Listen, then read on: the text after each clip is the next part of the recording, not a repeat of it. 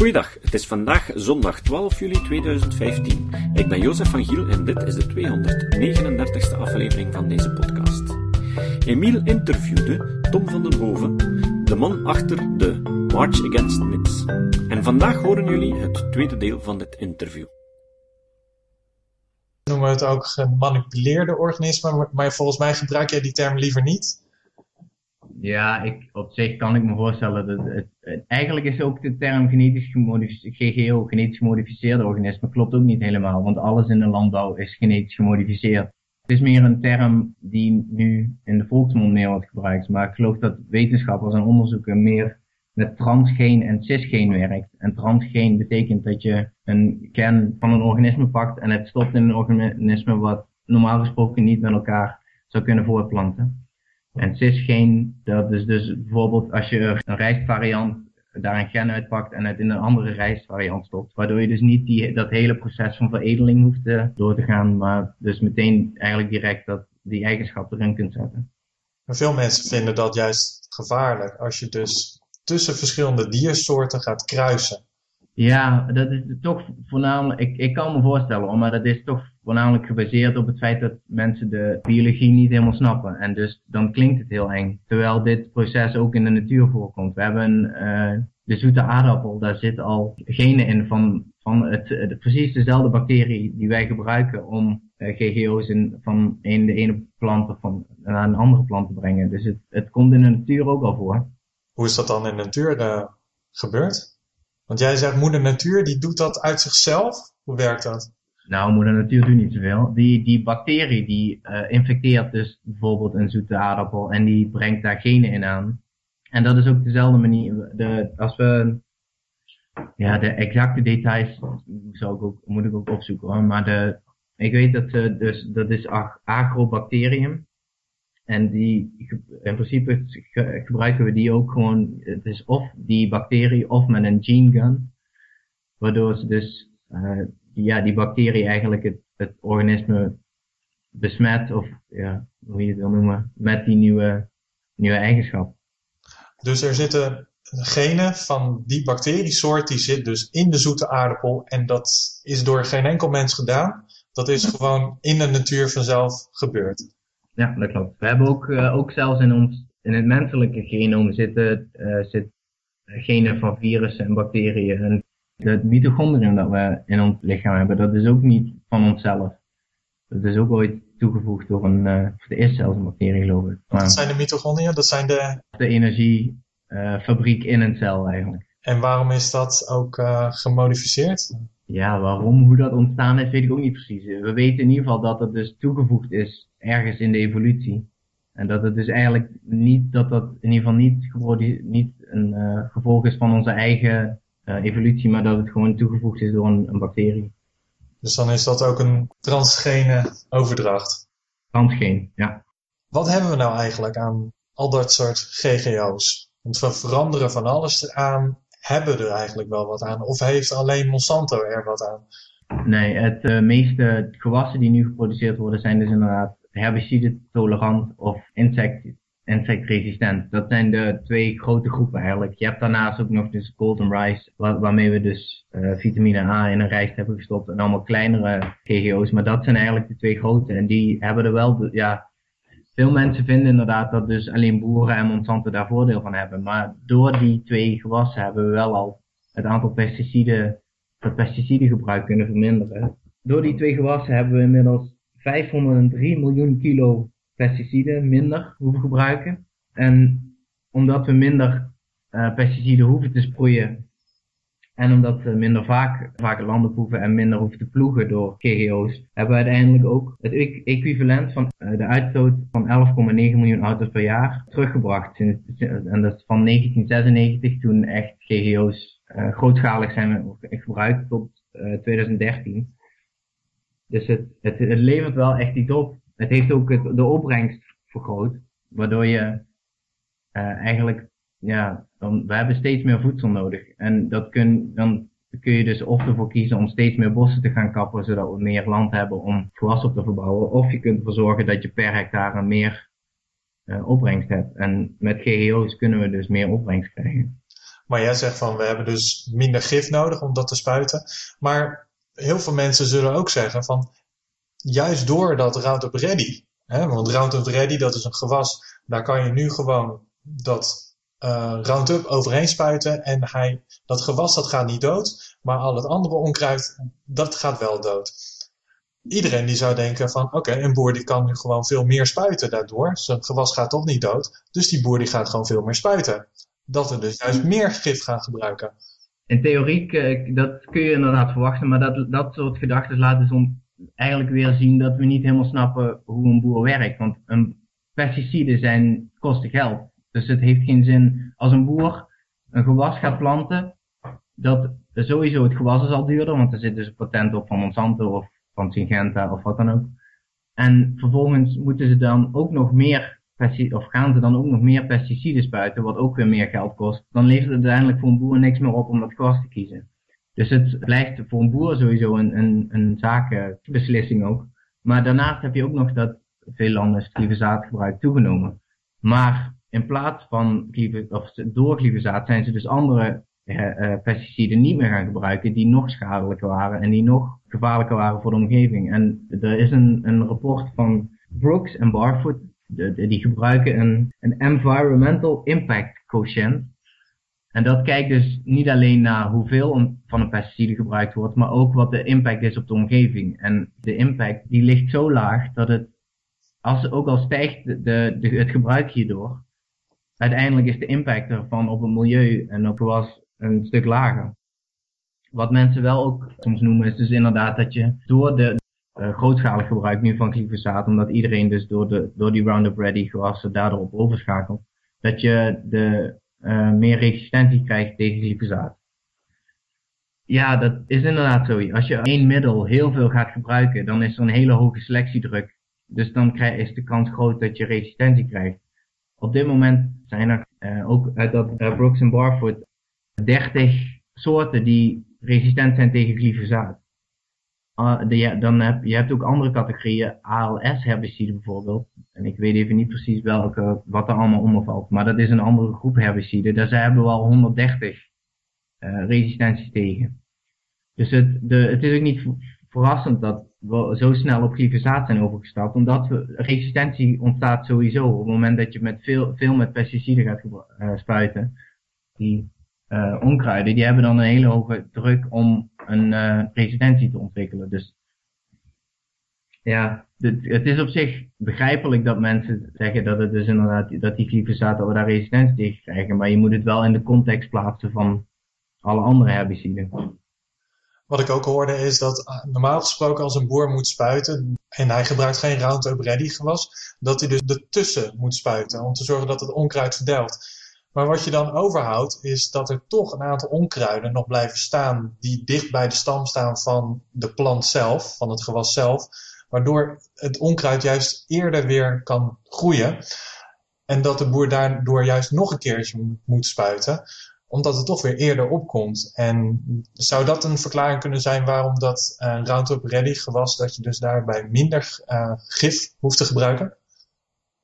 Ja, het, zal zeker bijdragen inderdaad. Je hebt sowieso ook, omdat je, wat, wat je bij biologisch en conventioneel ook wel nog steeds, maar minder, uh, veel ziet, is dat er nog heel veel geploegd wordt. En ploegen is eigenlijk heel slecht voor de bodem.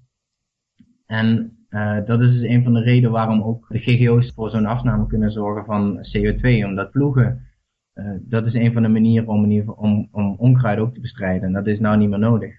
Je had het net ook over gouden rijst, velden met gouden rijst werden vernietigd.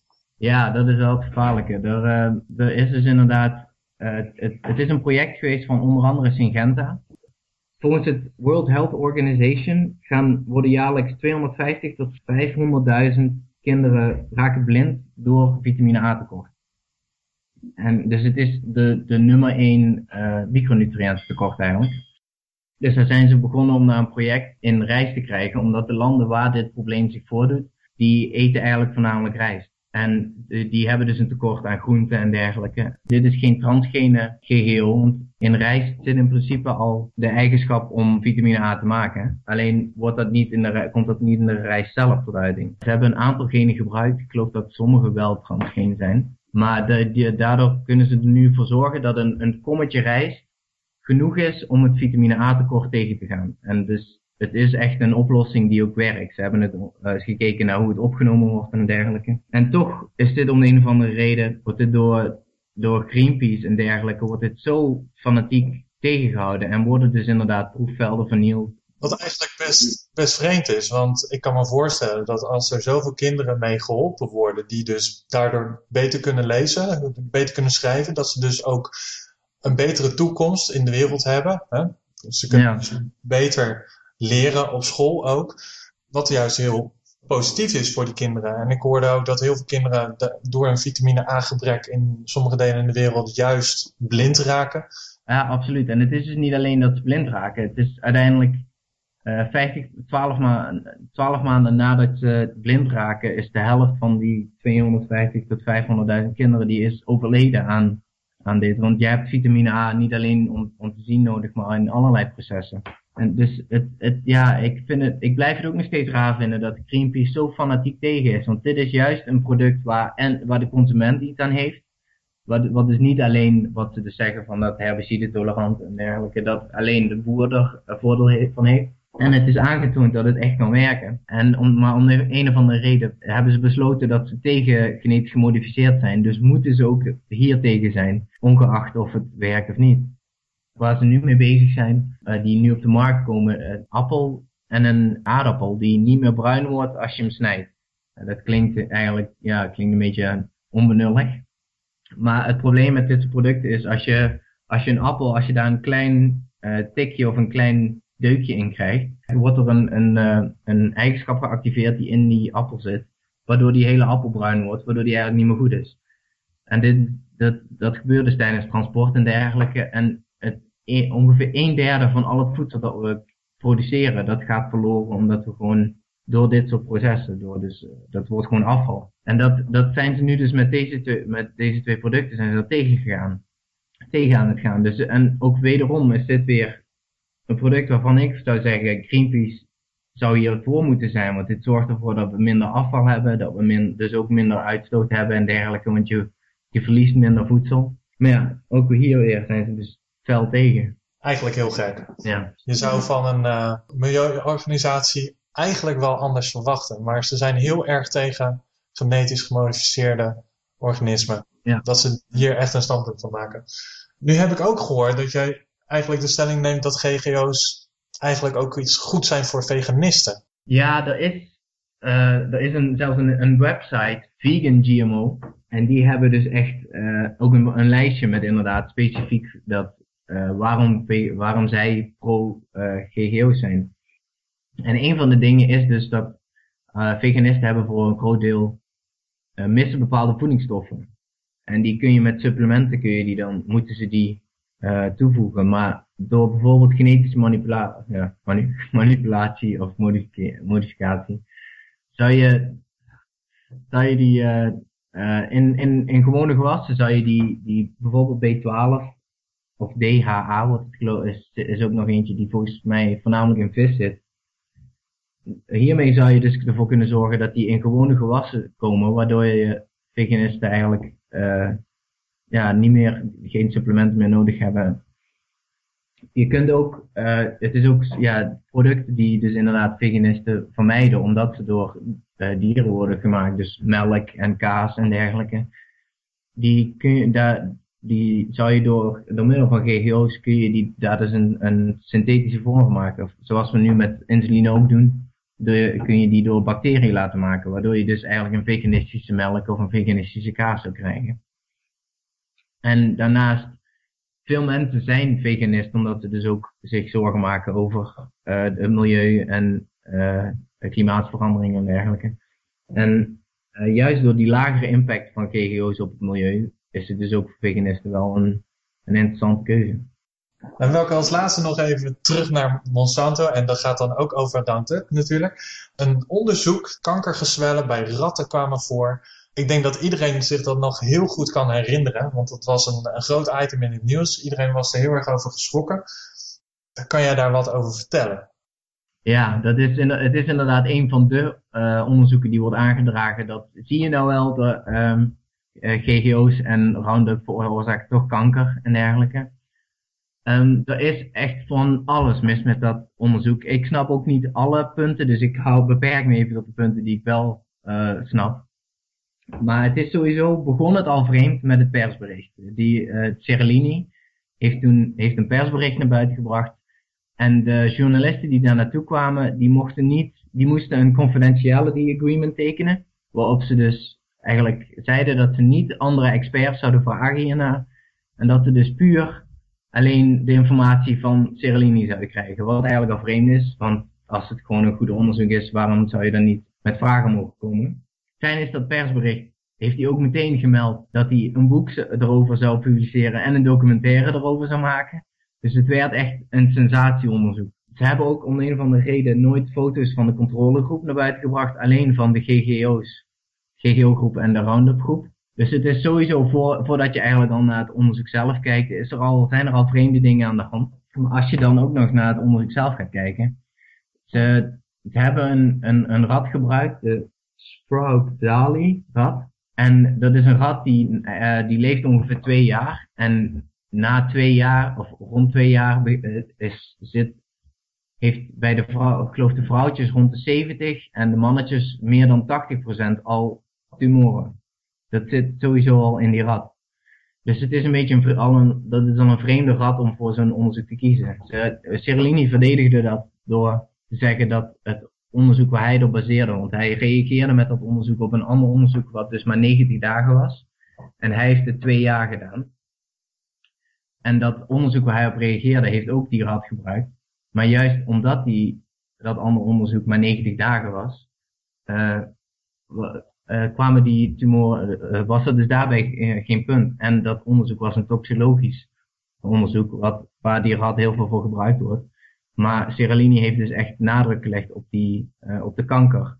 Terwijl dat eigenlijk met die rat heel vreemd is, omdat die, die hebt zoveel ruis door die van natuurlijke kankerzwellen al omdat dit zo'n sensatieonderzoek is geweest en omdat het zoveel pers heeft getrokken, heeft uiteindelijk de European Food and Safety Authority heeft er ook naar gekeken. En die heeft eigenlijk, net als alle onderzoeksinstanties en alle veiligheidsinstanties die er naar gekeken hebben, die kwamen allemaal tot de conclusie, de conclusies die jullie trekken met deze data, die kloppen niet. Die, de data bevestigen de, de conclusie niet. Wat is er uiteindelijk gebeurd met die studie? Ja, die wordt nog steeds door anti-GGO-groepen wordt die nog steeds wel aangehaald. Maar hij is door het journal, het vakblad waar hij in is gepubliceerd toen, is hij teruggetrokken. En toen weer opnieuw zonder nieuwe peer review in een ander blad gepubliceerd uh, recentelijk. Dus het, ja, het blijft een sensatieonderzoek. Het blijft een van de onderzoeken die ze aanhalen. Maar het, het, het, het rammelt aan alle kanten. Maar dat is dus een, een wetenschappelijk tijdschrift of een tijdschrift zonder peer review? Ja, of in ieder geval geen nieuwe. Ik weet niet of het, of het uh, tijdschrift normaal wel eigen uh, peer reviews publiceert. Daar ben ik even niet van op de hoogte hoe dat... Uh... Wat ik ook wel interessant vond was dat dat onderzoek dat was gesponsord door Kriegen. En Kriegen dat is een, een fonds. En als je dat fonds, daar staat dus Cerellini zelf aan, aan de top. Dus die kan ook een beetje sturen naar waar, het geld naartoe gaat. En dat fonds dat heeft al van tevoren laten weten dat ze anti-GGO zijn. Ja, het is, het, ik geloof dat Cerellini zelf ook betrokken is bij echt pro-biologische, uh, echt, echt pro, een, een organisatie die in ieder geval vanuit de biologische industrie komt. Dus het, ze waren er inderdaad sowieso al op uit om dit uh, te, om te laten zien eigenlijk. Ze hadden eigenlijk een conclusie van tevoren al, ze wilden laten zien dat het slecht was, alleen nu moesten ze het onderzoek nog doen. En dat, daar komen een beetje, en dat merk je wel heel erg inderdaad, dat ja, ze zijn echt tegen. Ik heb zelf dat onderzoek ook eventjes doorgelezen. En ik zag bij de grafieken dat als je nou wel een beetje Roundup Ready en Roundup gif eroverheen had uh, opgegeten als rat zijnde, dat je dan zelfs nog wel minder um, gezwellen had dan de controlegroep. Ja, bij, als man zijn dat je zou ook kunnen concluderen dat dat misschien wel heel gezond is om dan Roundup te gaan uh, gebruiken. Ja, precies. De, de, de methode die klopt sowieso niet. En daardoor kwam, is een van de dingen, en dat is dan toevallig inderdaad een van de dingen die zij niet noemen. Maar uh, daar kwam inderdaad naar, ook naar voren dat mannen die Roundup krijgen, dat die langer leven dan mannen die dat niet krijgen. Terwijl dat een vreemde conclusie is. En die dus, daar zie je eigenlijk al aan dat het onderzoek, dat de methode uit zichzelf al heel, heel, heel erg rammelt. Dat, er, waren zo, er zijn zo weinig ratten gebruikt dat er, en zoveel dingen getest, waardoor je uiteindelijk toch gewoon correlaties krijgt die er waarschijnlijk helemaal niet zijn, maar die gewoon door toeval. Ja, en als je dus een een rattensoort gebruikt die van zichzelf al heel veel gezwellen hebt, dan moet je een hoge populatie gebruiken aan ratten om dat, die ruis er eigenlijk nog uit te halen. Ja, precies. We hebben ook bij de controlegroep gemeten tot aan de gemiddelde overlevingstijd en daarna zijn ze ervan uitgegaan dat alle sterfte van in de controlegroep kwam door ouderdom. Wat eigenlijk ook een vreemde conclusie is, want ze hebben dus uiteindelijk nauwelijks naar de controlegroep gekeken, alleen naar die twee uh, groepen die ze interessant vonden. Dat is sowieso ook al vreemd. Er zijn ook geen foto's van bekend van de controlegroep. Ze hebben alleen, terwijl daar ook gewoon tumoren en dergelijke uh, voorkwamen. Dus het... kwam geloof ik helemaal niet meer met gegevens, hè? Uh, uiteindelijk was er gevraagd, omdat er heel veel kritiek was op zijn studie. Vanuit uh, allerlei kanten. Je zei al het EFSA. maar ook de Belgische autoriteit die had daar um, kritiek op. En toen was gevraagd door het, door het wetenschappelijk tijdschrift om, en dat is een gebruikelijke procedure, om dan de data, de rauwe data, beschikbaar te stellen voor de peer review. En Cerellini is daar nooit mee over de boeg willen komen. Ja, ja dat zou, die, daar ben ik even niet zo in thuis hoor. Dat zou kunnen inderdaad.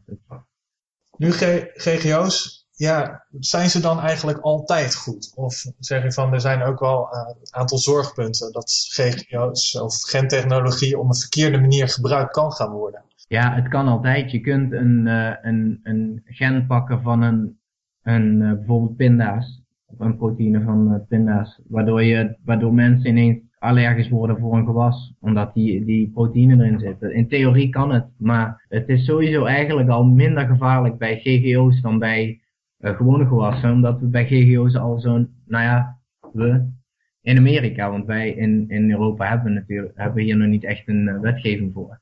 Maar we hebben wel instanties die gewoon die checken. En dus inderdaad bijvoorbeeld de European Food and Safety Authority. Die, uh, de gewassen worden gewoon gecheckt. Dus de kans dat er iets tussen glipt dat echt gevaarlijk is, die is heel klein. En we, we hebben in het verleden hebben dit, datzelfde probleem gehad met gewone gewassen. We hebben op een gegeven moment de kiwi uit Zuid-Amerika hebben we die gewoon geïntroduceerd. Omdat we in Amerika, Zuid-Amerika was prima, dus we gingen ervan uit dat die ook al prima zijn. En daar zijn heel veel mensen allergisch voor, blijkt. Dus daar zijn heel veel mensen hebben daar reactie op gekregen. En die, dus het, ja, er is, veel mensen die gebruiken vaak het argument dat je met wetenschap niet 100% kunt uitsluiten dat GGO's veilig zijn en dat we daarom eigenlijk uh, het voorzorg, uit voorzorg moeten, uh, er niet voor moeten kiezen. Maar ze vergeten dan dat je datzelfde, je kunt met hetzelfde kun je ook niet bij gewone gewassen. Ook bij gewone gewassen kunnen we niet 100% uitsluiten dat ze veilig zijn. Dat kan in de wetenschap gewoon niet. Het punt is dus eigenlijk dat GGO's even veilig zijn als gewone gewassen. En een van de punten die ze daarmee ook een beetje was aan voorbij gaan, is dat je ervan uitgaat dat als je uh, dat niks doen geen gevolg heeft. Dus als we niet voor GGO's kiezen, dat, dat dat betekent dat we gewoon rustig door kunnen gaan zoals we nu aan uh, door kunnen gaan. Maar we hebben echte problemen. We lopen tegen ziektes op in de, de sinaasappel, die heeft het nou heel erg zwaar. De papaya, die heeft het een tijdje terug heel erg zwaar gehad. De banaan, die begint met ziektes, Panama uh, banana disease geloof ik. Of, die heeft in ieder geval een ziekte waar we op dit moment niks tegen kunnen doen. Uh, zelfs de chocola schijnt een uh, probleem te hebben. En dat zijn, voor, met, bijvoorbeeld met sinaasappels hebben we daar al een, een, een GGO-oplossing voor. Maar met chocola hebben we die nog bijvoorbeeld niet, maar dat zou wel in theorie kunnen. Dus, zeg maar, we hebben de problemen, die zijn er al. We moeten dus alleen zorgen dat, dat, we die dat mensen accepteren dat we die toepassen. Ik heb ook van wetenschappers gehoord dat GGO of gentechnologie zelfs nog veiliger kan zijn dan het conventionele kruisen van soorten. Omdat als je gaat kruisen, dat je dan niet precies weet welke andere genen dat je aan het vermengen bent tijdens dat kruisingsproces, eh, dat veredelingsproces, terwijl je wel weet waar je naartoe gaat. Terwijl je bij gentechnologie juist eerst onderzoekt van welk gen verantwoordelijk is voor een bepaalde verandering, een bepaald kenmerk, en dat je alleen die gen overzet naar het andere product. Ja, dat hebben we met bijvoorbeeld aardappelen hebben dat al gemerkt, dat ze op een gegeven moment een aardappel hadden die mooier bruin werd of in ieder geval. Maar onbewust hadden ze daar het solaninegehalte ook mee omhoog gekregen. En dat is juist weer heel giftig. En dat willen we niet. Maar ja, daar kwamen ze dus door testen en eigenlijk kwamen ze erachter. Maar we hebben hetzelfde ook bij kip op een gegeven moment gemerkt. Dat we ineens een, een, een, een hele serie van Rapist Rooster werd die genoemd. Dat waren uh, hanen die, die zo agressief waren in het paren dat ze de vrouwtjes beschadigden en, en, en doodmaakten.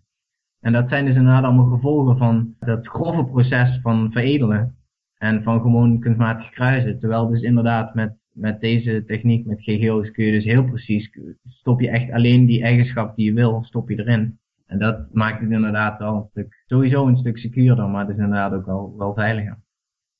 Ja, veel bedrijven hebben er ook weinig belang bij om een onveilig product op de markt te zetten. We hebben natuurlijk wel, het, je kan bang zijn voor de pinda's, hè, dat mensen daar allergisch voor zijn.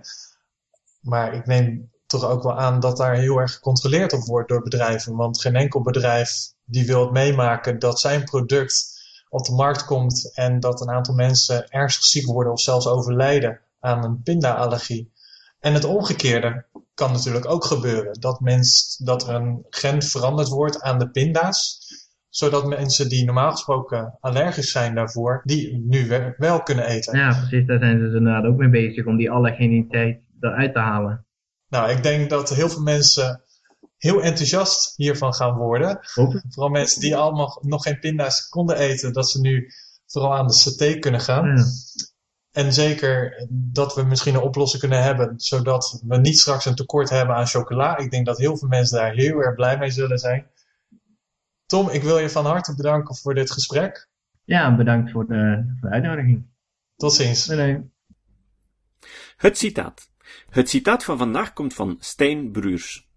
Jullie hoorden in aflevering 226 een tekst van zijn hand, waarin hij de milieubeweging vraagt om het GMO-dossier los te laten. Bruurs zei, de houding van milieubewegingen van progressief links tegen GGO's is vaak gestoeld op pseudowetenschap, in de zin dat ze niet echt luisteren naar wat grote wetenschappelijke instanties zeggen in hun grote meta-analyses. Tot de volgende keer. Deze podcast is het resultaat van het werk van veel mensen. Rick de Laat verbetert bijna al mijn teksten en maakt de meeste vertalingen. Emiel Dingemans verzorgt onze website en Facebookpagina. Ook Leon Korteweg en Stefan Sutens schrijven, vertalen of verbeteren soms artikelen. Leon onderhoudt bovendien het YouTube-kanaal van deze podcast. De muziek van de intro en de trailer heeft Nick Lucassen geschreven en soms maken we ook gebruik van muziek van Ad van Nederpelt, die ons zijn prachtige composities ter beschikking stelt. Dit was de podcast Kritisch Denken. Vergeet niet om alles kritisch te behandelen, ook deze podcast. Voor verdere informatie over deze podcast, links en voor de tekst, surf naar www.kritischdenken.info. Als je deze podcast belangrijk vindt, kun je me steunen door anderen warm te maken ook eens te luisteren. Stuur een e-mail naar vrienden met een link naar de website en plaats de link in de handtekening van je e-mails. Tevens kun je op iTunes deze podcast een beoordeling geven of een recensie schrijven.